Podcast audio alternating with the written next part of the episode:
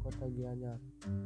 Sejarah kota Gianyar ditetapkan dengan peraturan daerah Kabupaten Gianyar nomor 9 tahun 2004 tanggal 2 April 2004 tentang hari jadi kota Gianyar.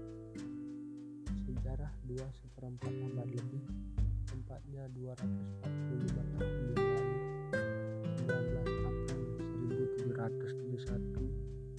ketika Gianyar dipilih menjadi nama sebuah keraton Puri Agung yaitu istana raja atau Agung oleh ide Dewa Manggis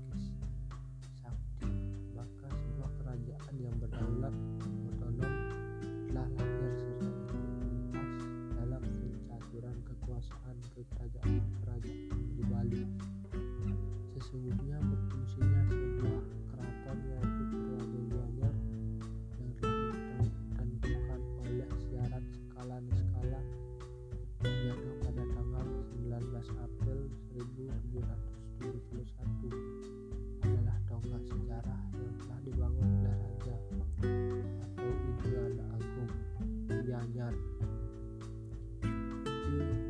Dewata Manggis Sakti memberikan syarat kepada kita bahwa proses menjadi dan ada itu bisa ditarik ke belakang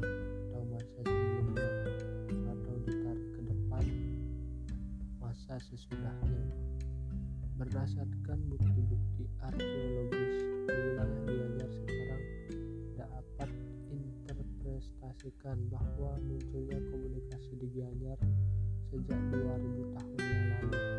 Karena ditemukannya situs perkakas berupa batu, logam perunggu yaitu nekara, relief-relief yang menggambarkan kehidupan candi-candi atau gua-gua di tebing-tebing sungai berkerisan.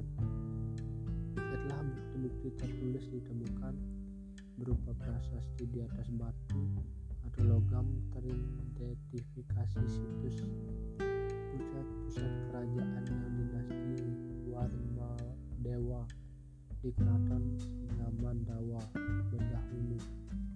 Setelah ekspedisi Gajah Mada atau Majapahit dapat menguasai Pulau Bali, maka di bekas pusat markas laskarnya didirikan sebuah keraton Sambrangan sebagai pusat pemerintahan kerajaan yang dipegang oleh Raja Adipati di dalam Kerana Pepakisan sebagai cikal bakal dari dinasti Kresna Kepakisan.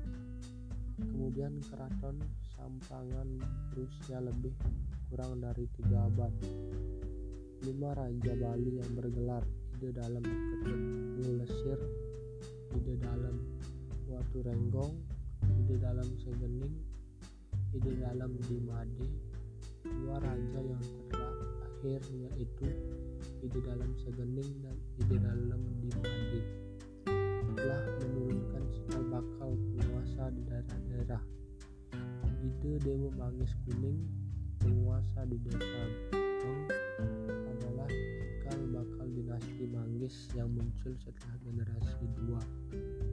Membangun kerajaan Payangan, seorang putra Raja Kelungkung Ide Dewa Agung Jambe yang bernama Ide Dewa Agung Anom muncul sebagai cikal bakal dinasti Raja-Raja Sukawati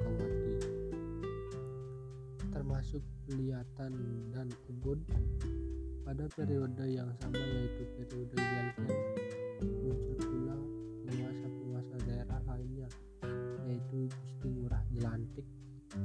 Menguasai Belah Patuh dan kemudian Gusti Agung Marti menguasai daerah Keramas. Yang keduanya adalah keturunan Arya Pakisan.